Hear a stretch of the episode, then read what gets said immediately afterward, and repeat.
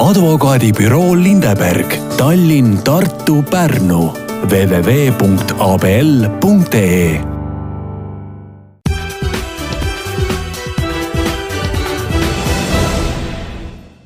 tere! Ekspress Meedia podcasti formaadis alustab uut saatesari Luup, milles leiavad kajastamist päevakajalised teemad äri,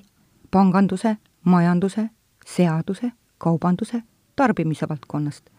Saates saavad sõna oma ala tipud, kes räägivad Delfi podcasti kuulajatele, mis küsimused on antud hetkel aktuaalsed nende tegemisvaldkonnas. samuti võtavad spetsialistid kokku teema, mis on üleval olnud ajakirjanduses saade Luup on eetris vähemalt kaks korda kuus. mina olen saatejuht Juuli Nemvalts. esimeses saates on meil külalised advokaadibüroost Lindeberg, mis pakub õigusteenused kõigis peamistest õiguse valdkondades oma Tallinna, Tartu ja Pärnu büroodes. Mul on hea meel tutvustada sealt kahte külalist, advokaat Keijo Lindebergi, kes on ühtlasi ka ettevõtte juhatuse liige ja juhtiv partner, ja advokaat Aldo Vassarit, tere! tere! tere! õigusalase nõustamisega assotsieerub mulle avalikkuse ette jõudnud kohtuasjad, kus inimesed kaeva, kaebavad enda laimajad kohtusse. sotsiaalmeedias alguse saanud anonüümsed postitused on tundunud inimestele ju mm, üsna turvaline näiliselt, eks, et ähm, alates eelmisest aastast on ju üks armastatud näitlejatar sai päris äh, kena kahjutasu äh, oma laimajatele kui paljud büroos on teie juurde pöördunud kliendid, et kas see arv on suurenenud? no tegelikult jah, ütleme meediasse on need asjad äh, täna jõudnud äh, päris suures mahus ja, ja noh, kindlasti saab ka öelda, et äh, keskmine inimene tänavalt, ka ta teab rohkem ka, et tal on, ütleme, kui keegi teda solvab, laimab, siis on tal võimalus enda õiguste kaitseks midagi ette võtta, pöörduda advokaadi poole, esitada nõue ja saada võib-olla ka siis kohtuväliselt äh, või ka kohtus äh, hüvitis. aga noh, tegelikult äh, neid vaidlusi on olnud ikkagi juba väga palju aastaid, et kui me vaatame võlaõigusseaduse jõustumist, mis on aastast kaks tuhat viis, äh, kus tegelikult on tänane õiguslik regulatsioon, et tegelikult terve selle aja jooksul on neid vaidlusi olnud ja, ja tegelikult ka nüüd meie büroos äh,, okei okay,, me oleme küll uu-, uus büroo, aga iseenesest ka need bürood, kus me oleme varem tegutsenud, et ütleme, et ka neid vaidlusi äh, büroodesse on jõudnud juba väga palju aastaid. Et... aga meediasse on jõudnud alles nüüd või on hakanud rohkem jõudma? no ütleme jah, et hetkel ta on selline teema, mis eh, võib-olla ka müüb natuke rohkem, eriti kuna siin on tõesti sellised tuntud inimesed eh, selle teema tõstatanud ja, ja igal pool meedias seda ka väga palju presenteerivad, et kindlasti see on aidanud kaasa selle, ütleme siis selle õigusliku probleemi jõudmiseni iga inimese teadvusesse. Aga, aga jah, see õiguslik pool, noh, tegelikult see on juba väga palju aastaid äh, täpselt samasugune ja, ja tegelikult ka neid kohtuvaidlusi on olnud äh, nii äh, igas suunas, et ka nii, ütleme, kes on siis selline tavaline inimene tänavalt, keda on siis laimatud, ja näiteks meie büroo praktikast on vist, kui ma õigesti mäletan, kaks tuhat kolmteist või noh, see jah, ta polnud meie büroo, aga ütleme, millega ma ise olin ka seotud, see vaidlus algas kaks tuhat kolmteist, kus näiteks ajakirjanik kaebas kohtusse äh, ühe inimese, kes äh, kirjutas tema kohta laimavaid kommentaare selle ajakirjandusväljaande vist kommentaariumis, kui ma õigesti mäletan. et tegelikult ka noh, näiteks minu kokkupuude nende vaidlustega on kuskil aastast kaks tuhat kolmteist, neliteist.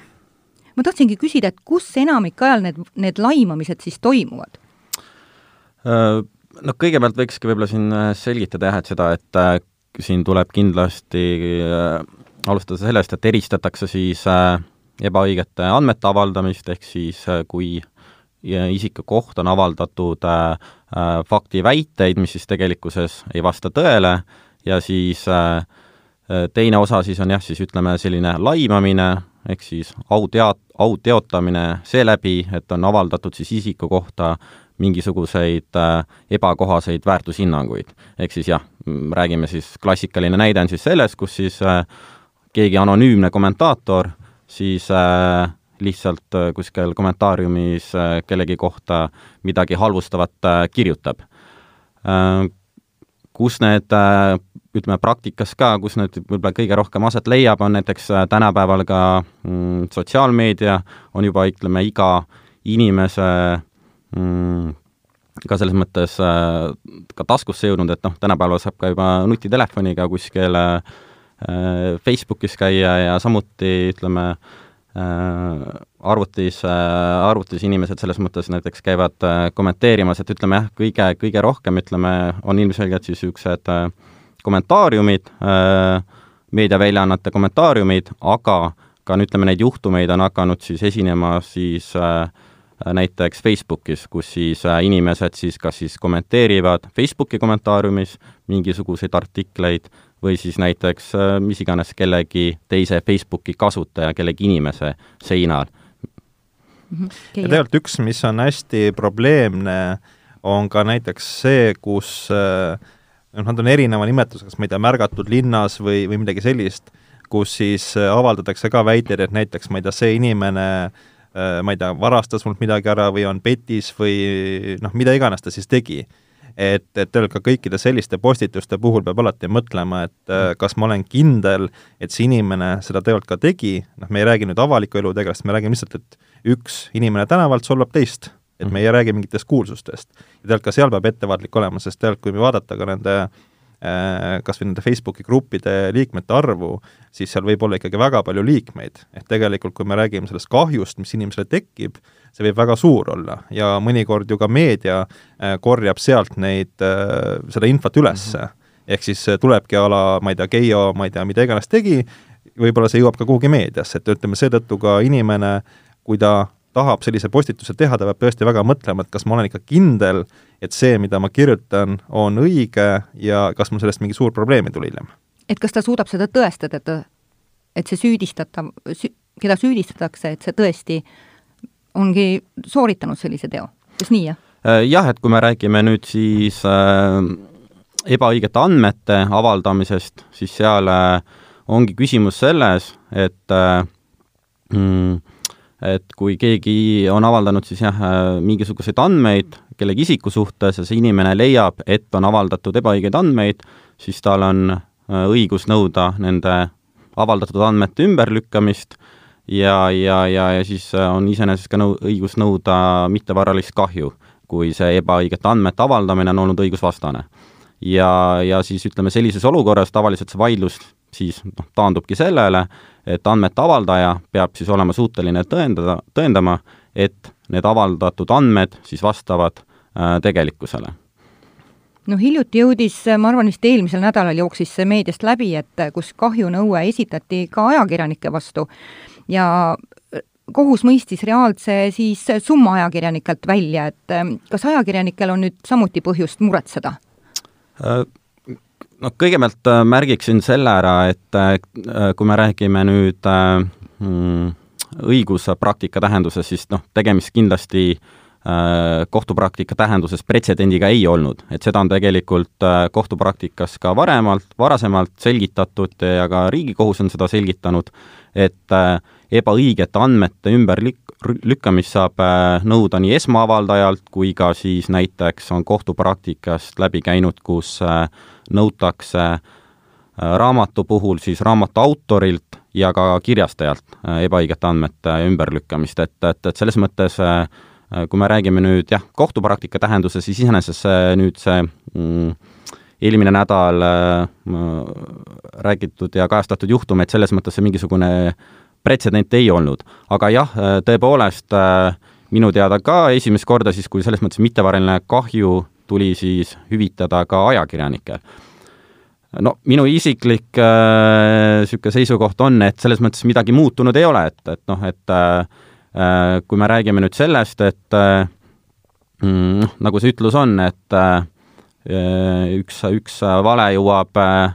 maakerale enne mitu tüüri, mitu tiiru ümber teha, kui vale,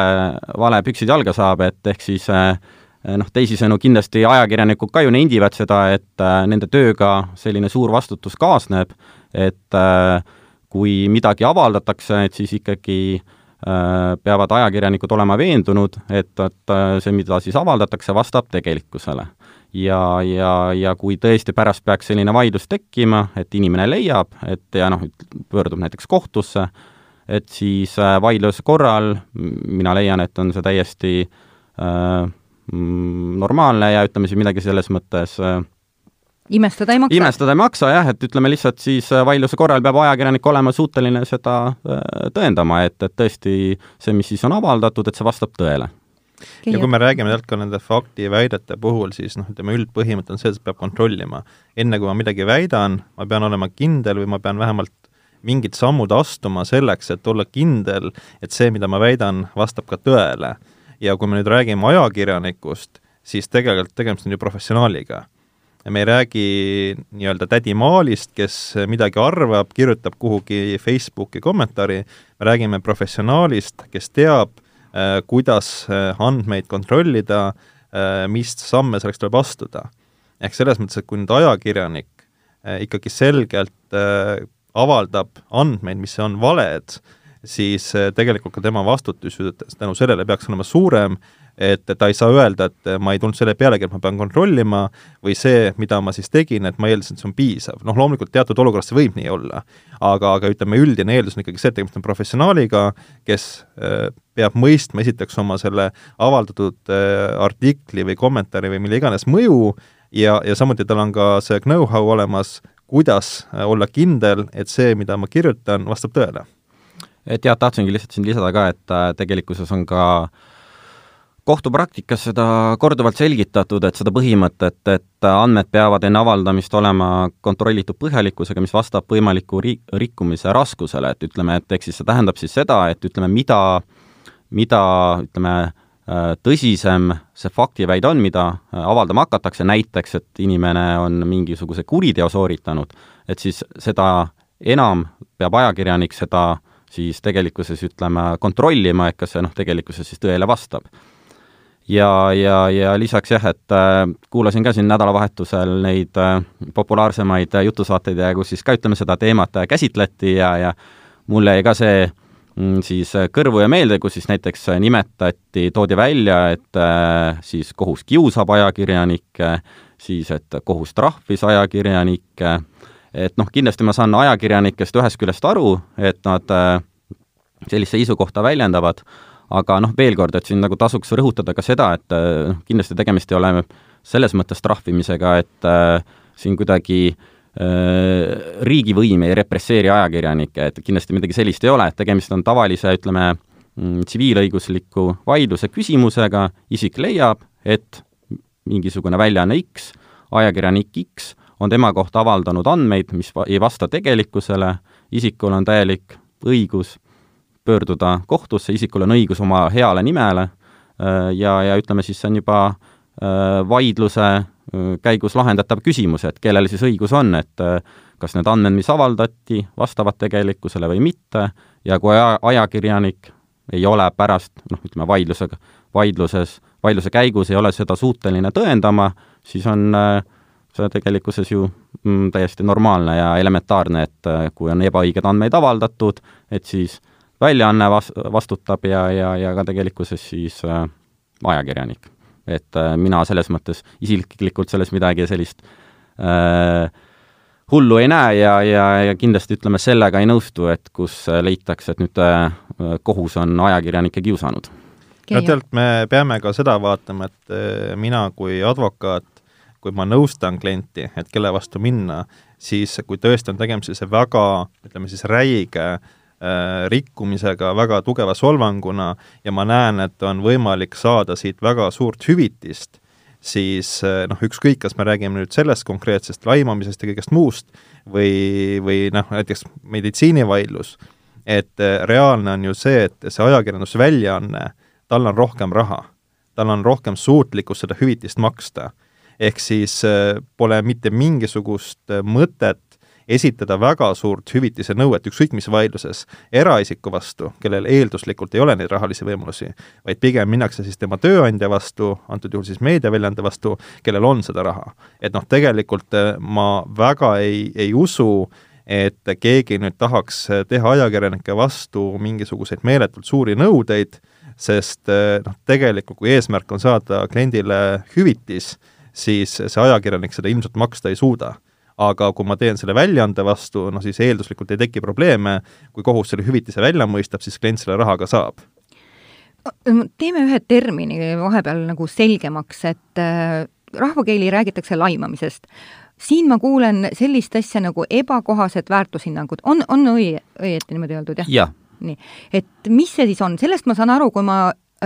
väidan fakte, mis ei ole tõesed. aga omal ajal üks tuntud advokaat ütles, et te saate ju kõike öelda lihtsalt oma väärtushinnangu põhjal. et kuidas teile tundub, nüüd ma kuulen, et on olemas ebatõesed,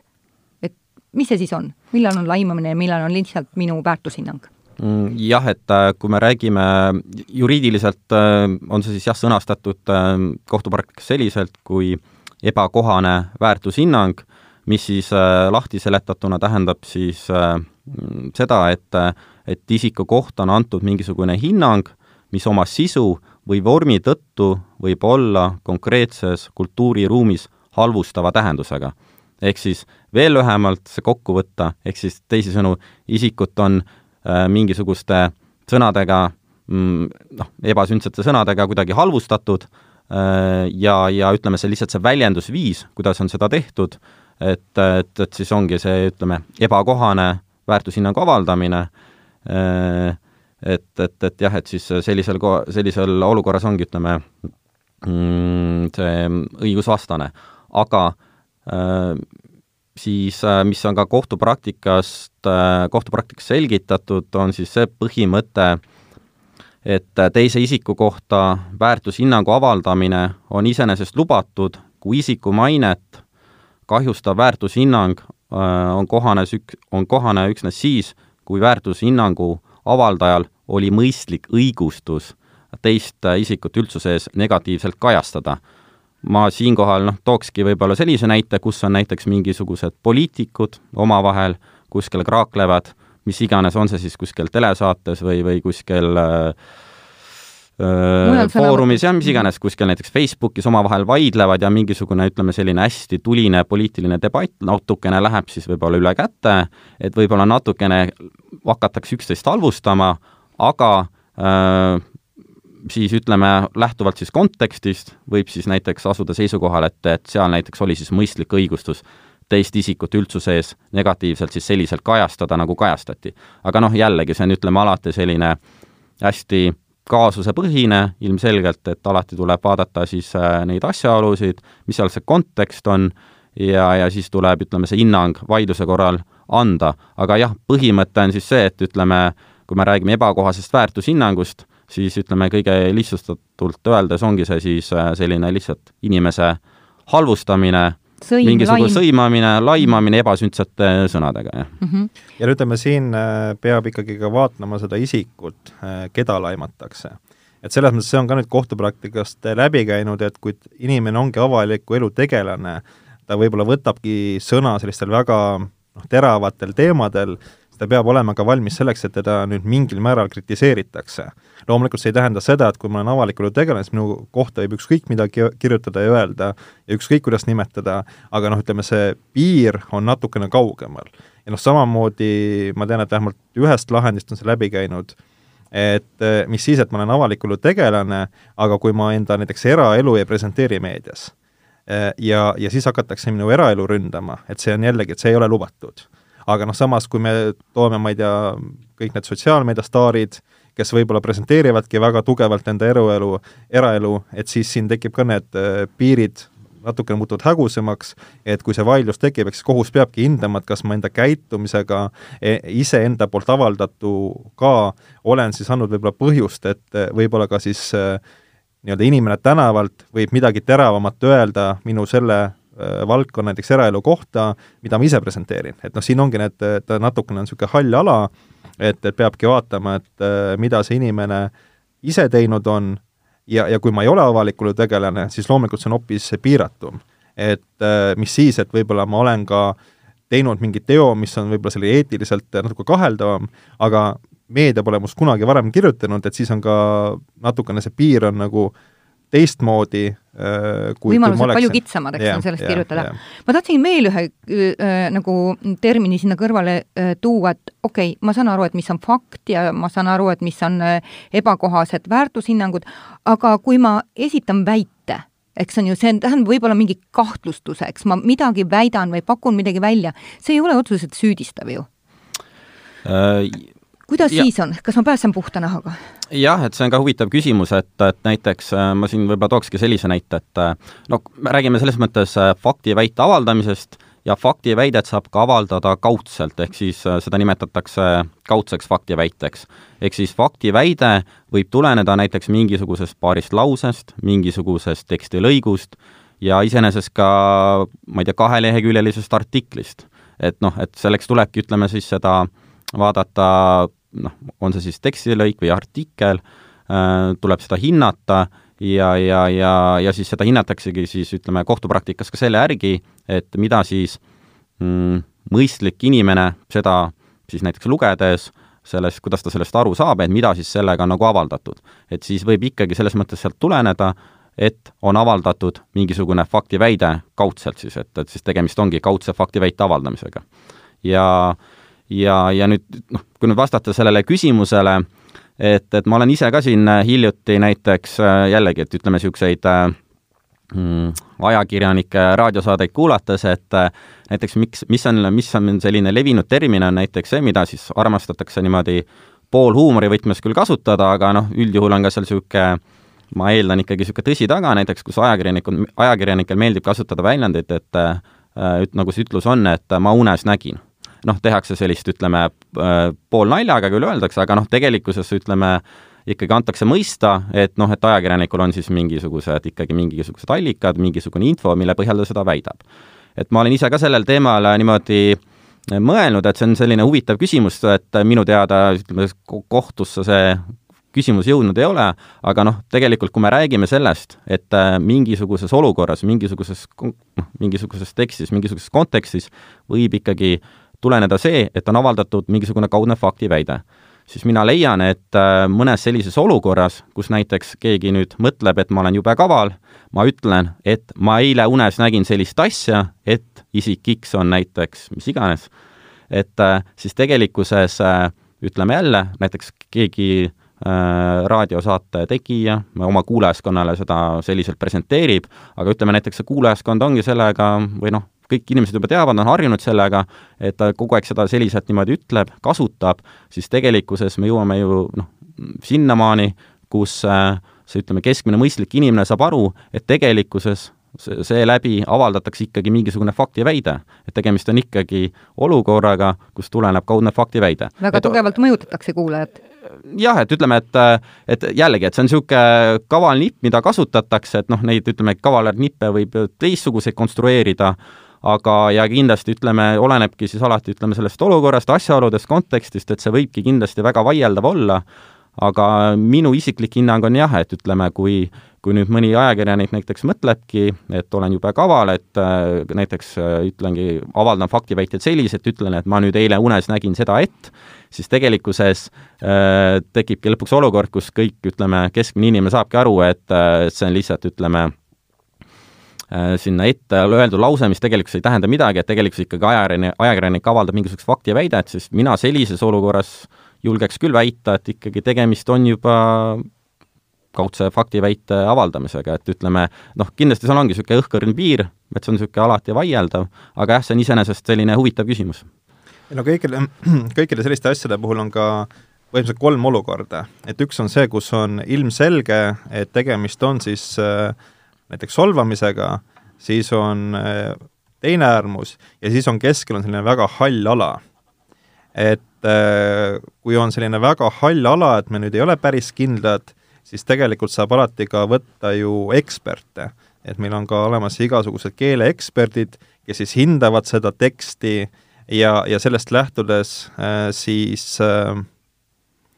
sellest lähtudes siis ütlevad, enda hinnangu, et kuidas siis keskmine inimene sellest pidi aru saama. loomulikult seal on jah see teema, et eh, kohtunik peab seda lõpuks ise hindama. et see on lihtsalt üks tõend paljude hulgast, aga noh, eelkõige millest kohus lähtub, on seesama kirjutis, see nii-öelda põhitõend aga kui ta ongi selline väga hall ala, ta võib nagu kalduda ühele poole, teisele poole, siis põhimõtteliselt see võibki taanduda selliste ekspertide vaidluseks, kus siis üks ekspert arvab midagi, teine ekspert arvab midagi ja siis kohus peabki võtma seisukoha, et keda ta neist usub. Et noh, see on ka täiesti võimalik. ja nüüd teeme väikese pausi, et tulla hetke pärast tagasi.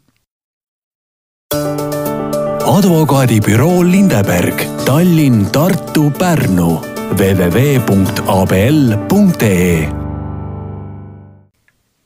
nii, oleme tagasi pärast põgusat pausi ja jätkame teemaga, kus on meil külas täna advokaadibüroost Lindeberg, kaks advokaati, Keijo Lind-, Lindeberg ja Aldo Vassar.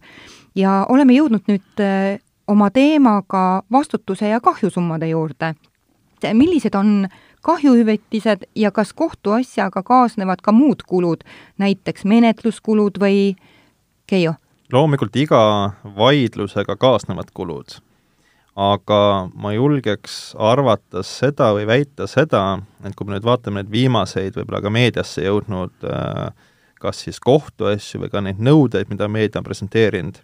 siis äh, ma julgen küll arvata, et tegelikult see inimene, keda on laimatud, ei ole maksnud enda advokaadile mitte sentigi. et, et tegelikult see on ju teada, et äh, sageli advokaadibürood, õigusbürood pakuvad tulemustasu. Ja, ja tegelikult selles mõttes nad on nagu head äh, kaasused, kus mul on kõik tõendid näha et kui meil on mingisugune mis iganes lepinguvaidlus, ma ei tea, mida teine pool võib väita, et mis tõend välja ilmub aga antud juhul on äh, tegemist, noh, ma ei tea, näiteks Facebookis või artiklis või, või kus iganes on see väide avaldatud, mul on tegelikult kõik need tõendid olemas ja, ja advokaadina ma suudan hinnata, et mis on see tõenäosus, et see asi on kohtus edukas. Mistõttu saab pakkuda ka kliendile tulemustasu kokkulepet, mis tähendab seda, et äh, räägi, mis on tulemustasu? no tulemustasu tähendabki, noh, seal on võib-olla erinevad, aga, aga siin ma julgen arvata, et need kokkulepped ongi sellised, et teine pool peab maksma siis kliendile hüvitise ja hüvitama siis ka õigusabikulud. ehk siis tegelikult need õigusabikulud maksab kinni laimaja, solvaja, ebaõige faktiväite avaldaja, aga kliendi enda jaoks ongi see puhas kasu. Noh, ma jällegi, ma ei tea, aga, aga suure tõenäosusega nii on. et, et selles mõttes äh, kui nüüd äh, inimene, keda on solvatud või on see ebakohane väärtushinnang, kui ta nüüd leiab, et ta tahab selle asjaga edasi tegeleda, tal tegelikult, ta kindlasti leiab äh, advokaadibüroo, kes on nõus teda tulemustasu eest esindama, mistõttu tegelikult inimese jaoks on suhteliselt lihtne sellega tegeleda. et see väide, et nüüd keegi blogija kaebab äh, solvangu eest kohtusse, ta teenib sellega, et see oleks nagu ebaõige väide? et seda, sellega nagu teenistust ikkagi ei tekita endale no ütleme, mis on see raha, mis makstakse, on hüvitis. et mida kohus hindab, on see, et kui selline väide esitati, milline kahju pidi inimesele tekkima, loomulikult me ei räägi sellest, et mul tekkiski otsene varaline kahju, noh, mida saaks hinnata või, või mõõta kuidagi. Et me räägime sellisest solvangust, et noh, samamoodi valu noh, meditsiinis on ju põhiline, mis vaevus inimesel tekib, ongi, et valu, mingid muud vaevused, et tegelikult siin ei ole ju mingisugust hinnakirja, tabelit, mille järgi me vaatame, et kui sulle öeldi niimoodi või sulle tekitati selline kas siis füüsiline valu või emotsionaalne valu, et, et selle, mingile tasemele vastab mingi summa. et siin see subjektiivsus jääb loomulikult alles, samas äh, see, mille eest inimene saab äh, raha, ongi talle tekitatud kahju hüvitamine. kas seda nüüd luge-, lugeda teenimiseks noh jah, seda võib nii väita, aga õiguslikult on see ikkagi ju tekkinud kahju hüvitamine ja, ja iga sellise kahjuhüvitise eesmärk on asetada inimene äh, olukorda, kus ta oleks olnud siis, kui seda rikkumist ei oleks olnud. ehk siis see rahasumma peab kompenseerima minu üleelamised kas praegult võib öelda, et need kahjusummad, mida on mõistetud, on kuidagimoodi korrelatsioonis või, või proportsioonis selle tekitatud kahjuga? Jah, et kui me räägime nüüd äh, mittevaralise kahju hüvitisi, mis puudutab siis äh, ebaõigete andmete avaldamist ja, ja siis äh, au teotamist läbi siis äh, ebakohase mm, väärtushinnangu avaldamisega, et siis jah, äh, need äh, mittevaralise kahju mm, siis hüvitise suurused kõiguvad seal mõnesajast eurost kuni mõne tuhande euroni, et äh, kas need on piisavad või mitte, eks see ongi selline äh, väga vaieldav ja, ja, ja hinnanguline küsimus, et äh, kes kuidas seda näeb, et äh, kui jällegi noh, minu isiklik seisukoht on see, et et, et need kahjuhüvitised, noh, üleüldse, et mittevaraline kahju, et näiteks mulle meeldiski, siinkohal toksingi välja siis Äh, Tartu maakohtu kohtunikku Kerti Pau, kes, kes mittevaralise kahju osas küll mis teine, teine kohtuvaidlus, küll teine asi, aga noh, sellegipoolest, kus ta ütles, et kuskilt peab see kohtupraktika alguse saama siis. et noh, et äh, äh mittevaralise kahjuhüvitiste suurused minu hinnangul ka võiksid ikkagi selles mõttes ajas kaasas käia, et äh, ei saa tugineda mm, kogu aeg sellele, et äh, vara, noh, Riigikohtu praktikale, mis iseenesest äh, on seda öelnud, et need mittevaralise kahjuhüvitise suurused peavad siis äh, vastama äh, ühiskonna siis noh, põhimõtteliselt ühiskonna elatustasemele, et need peavad olema siis korrelatsioonis, et, et kindlasti minu hinnangul ka oleks aeg, et ütleme, need hüvitised, nende hüvitiste suurused käiksid selles mõttes ajas kaasas ja, ja, ja minu hinnangul ka kohtud võiksid hakata siinkohal neid julgemalt siis välja mõistma, neid hüvitisi. aga no ütleme, ma kindlasti nõustun sellega, mis Aldo väidab aga kindlasti peaks Eestis vaatama kõiki neid mittevaralise kahjuhüvitisi koos. ehk meil on ju tegelikult äh, väga erinevat liiki rikkumised, väga erinevat liiki kahjud, mille kõige puhul me räägime sellest mittevaralisest kahjust, mida me hakkame hüvitama. Et jah, üks asi on see laimamine, ehk siis selline hingeline üleelamine, samas meil on kuriteod, kuriteoga tekitatakse, näiteks keegi pekstakse läbi, eh, ta saab kahju, noh, seal tekib ka see teema, et kui palju see kannatanu nüüd kaasa aitas, äkki ta läks norima, sai peksa, noh, loomulikult peksta ei tohi, aga võib-olla see kannatanu eelnev käitumine natukene seda hüvitist võiks vähendada. ja siis on meil näiteks meditsiiniõigus, eh, kus tegelikult inimene pöördub abi saamiseks arsti poole, arst teeb vea, inimene saab võib-olla üliraske tervisekahjustuse, näiteks on väike laps, ta elu lõpuni ei saa tööl käia, midagi teenida, ta on vanemate ülalpidamisel, et tegelikult äh, me peaks kõiki neid asju nagu tervikuna vaatama. et tõepoolest, äh, Tartu maakohtunik Kerti Pau, kes ütleski, et miks ta mõistis välja niivõrd suure hüvitise, küll jah, teises vaidluses, et need asjad peaksid nagu ajaga kaasas käima. samas, kui me vaatame, mis on nüüd see patsiendi kindlustuse või kuidas iganes seda täpselt nimetada, arsti vastutuse ja, ja kindlustuse regulatsioon, siis mina ütleksin, et eh, riik tahab neid hüvitisi just alla tõmmata sest eh, ma näen, minu hinnang on küll see, et need hüvitised, mida tahetakse näiteks meditsiinis välja mõista, ei ole mitte kuidagi proportsioonis sellega, mida mingite muude vaidluste puhul, kas või see Alliku näide et äh, siin on, tekivad sellised väga suured ebakõlad ja, ja kindlasti ma tunnustan seda, et need hüvitised peaksid olema suuremad, aga jällegi puudub selline süsteemne lähenemine ja, ja selle tervikpilt hakkab nagu vaikselt ära kaduma. et meil on mingid valdkonnad, kus need hüvitised lähevad väga eest ära ja siis, ja noh, me räägime ikkagi emotsionaalsetest üleelamistest, jah, nad võivad minu edasist elu mõjutada, aga teine on ka selline kahju, mis reaalselt võtab mult näiteks elu lõpuni võimaluse töötada, äh, normaalset inimväärset elu elada, et noh, need tegelikult, need proportsioonid minu hinnangul täna ei ole paigas ja ma pigem prognoosin, et need käärid tekivad veel suuremad. kes peaks seda öö, rohkem, ütleme, paika panema siis neid summasid või? no siin võikski selgitada, et ütleme, see kohtupraktika ongi meil selline hästi mm, valdkonnapõhine, et näiteks, et kui rääkidagi äh, kohtupraktikast, mis puudutab äh, mittevaralist kahju seoses näiteks siis ebaõigete andmete avaldamisega ja, ja mm, isikute siis äh, mm, laimamisega, et siis äh, seal ongi, kohtud lähtuvad äh, oma hüvitiste suuruses siis varasemas kohtupraktikas nende äh, noh, sarnastes vaidlustes. et selles mõttes jah, meil mingisugust äh, sellist äh, kahjuks äh, sellist äh, üldist süsteemi, regulatsiooni selles mõttes ei ole, et näiteks ongi ma ei tea, vaidlused selles osas, kus näiteks kui me räägime mittevaralisest kahjust näiteks, ma ei tea, riigi vastutuse seaduse tähenduses, kus näiteks no ma ei tea, suvaline näide, et politseiametnik on ebaproportsionaalne, ebaproportsionaalselt siis mm, jõudu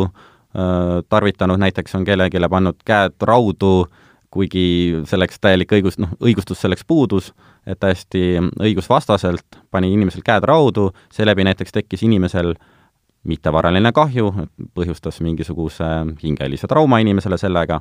et siis noh, näit-, näiteks sellist laadi juhtumid, et siis seal ka on, ütleme nii-öelda oma kohtupraktika, mida siis äh, sellist tüüpi juhtumid äh,, kohtud lähtuvad siis ütleme, mittevaralise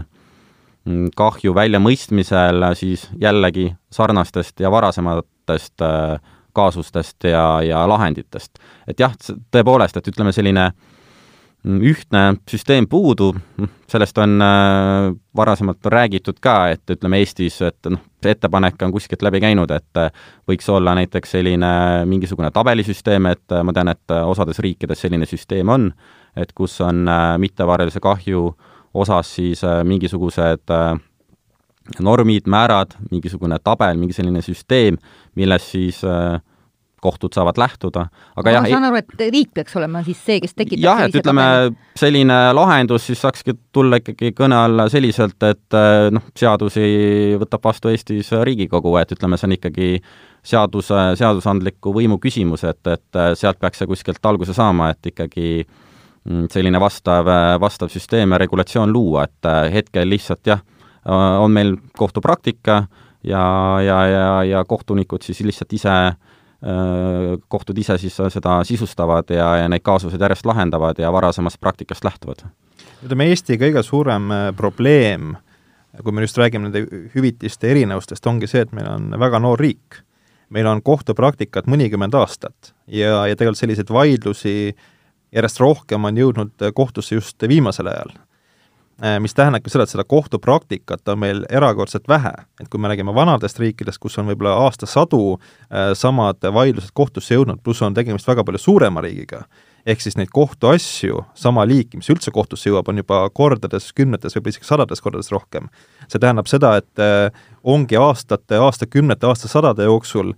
tekkinud mingisugused, mingisugune nägemus et kui on rikkumine A, siis sellest võiks olla mõistlik hüvitis B. jah, võib-olla ajas see suureneb, aga tänu kohtupraktikale on see saanud välja kujuneda. Eestis, kuna me oleme väga väike riik ja kohtutesse on neid asju üldse jõudnud viimase, viimased aastakümned võib-olla ainult ja väga vähe, siis meil puudub selline mahukas kohtupraktika ja noh, tegelikult siin jääda lootma, et nüüd äh, ainult kohtupraktika suudab need äh, piirid mõistlikult paika panna, no me ootame võib-olla veel sada või kakssada aastat. et noh, see ei ole mõistlik, et tegelikult seadusandja äh, peaks siin ise initsiatiivi näitama ja kas siis tabelisüsteem või, või mingi muu süsteem, aga noh, praegune seadus ütleb seda, et kohtunik põhimõtteliselt vaatab lakke ja tunnetab, mis, mis tema hinnangul sellises olukorras on mõistlik no me ei jõua sellega eriti kuhugi. kuidas sulle tundub, Keijo, kas advokaadid, ähm, kas neid on nii palju, et nad saaksid teha oma häält ja öelda, et me vajame sellist äh, tabelit või selliseid soovituslikke summasid no,? kuskilt siin... peab ju see et ettepanek tulema. no siin on ka noh, jällegi ma pigem siin kalduksin ka meditsiini, et, et meil on ikkagi pigem näiteks meditsiinis on kahte liiki advokaadid ühed on need, kes esindavad eh, suuri haiglaid ja teised on need, kes pigem esindavad patsienti. ja siin need huvid on väga vastandlikud. ehk et ega eh, nad ei tule ühe mütsi alla? jah, et eh, noh, eelkõige ma ei saa teha niimoodi, et ma täna kirjutan näiteks artikli, kus ma ütlen, et tehke, võtke vastu otsus, mis kahjustab minu klienti Mm -hmm. et noh, siin tekibki see natukene huvide konflikt, et kui ma mingisugust seisukohta avaldan, ma pean ka mõtlema, et kuidas see reaalselt minu klienti mõjutab et noh, siin tegelikult äh, jah, noh, meditsiin on jah, ütleme üks näide. kas ma võin utreerida näiteks seda, et võib-olla tänu sellele, et riik näeb, et paljud haiglad on riigieelarvelised, on ta tegelikult huvitatud, et need oleks väiksemad, need süüdi noh, nagu makstavad summad? ei, seda loomulikult ja noh, kindlasti seal on väga tugev argument, et lõppude lõpuks need hüvitised maksame ju me ise kõik ise kinni, kinni, et meie maksurahast. aga noh, samas äh, ikkagi ma väidaksin, et äh, et me peaksime kogu seda mittevaralise kahjuhüvitise regulatsiooni üle vaatama, iseenesest see süsteem, need põhimõtted, mis on, on väga õiged, aga probleem tekibki seal, äh, milline see summa kohtulahendisse tuleb. et, et siin ongi, need käärid on suured, äh, need summad ei lähe ka ajaga kaasa, ehk kui aastal kaks tuhat oli see hüvitis mingisugune summa, siis noh, meil on kakskümmend aastat mööda läinud peaaegu. et äh,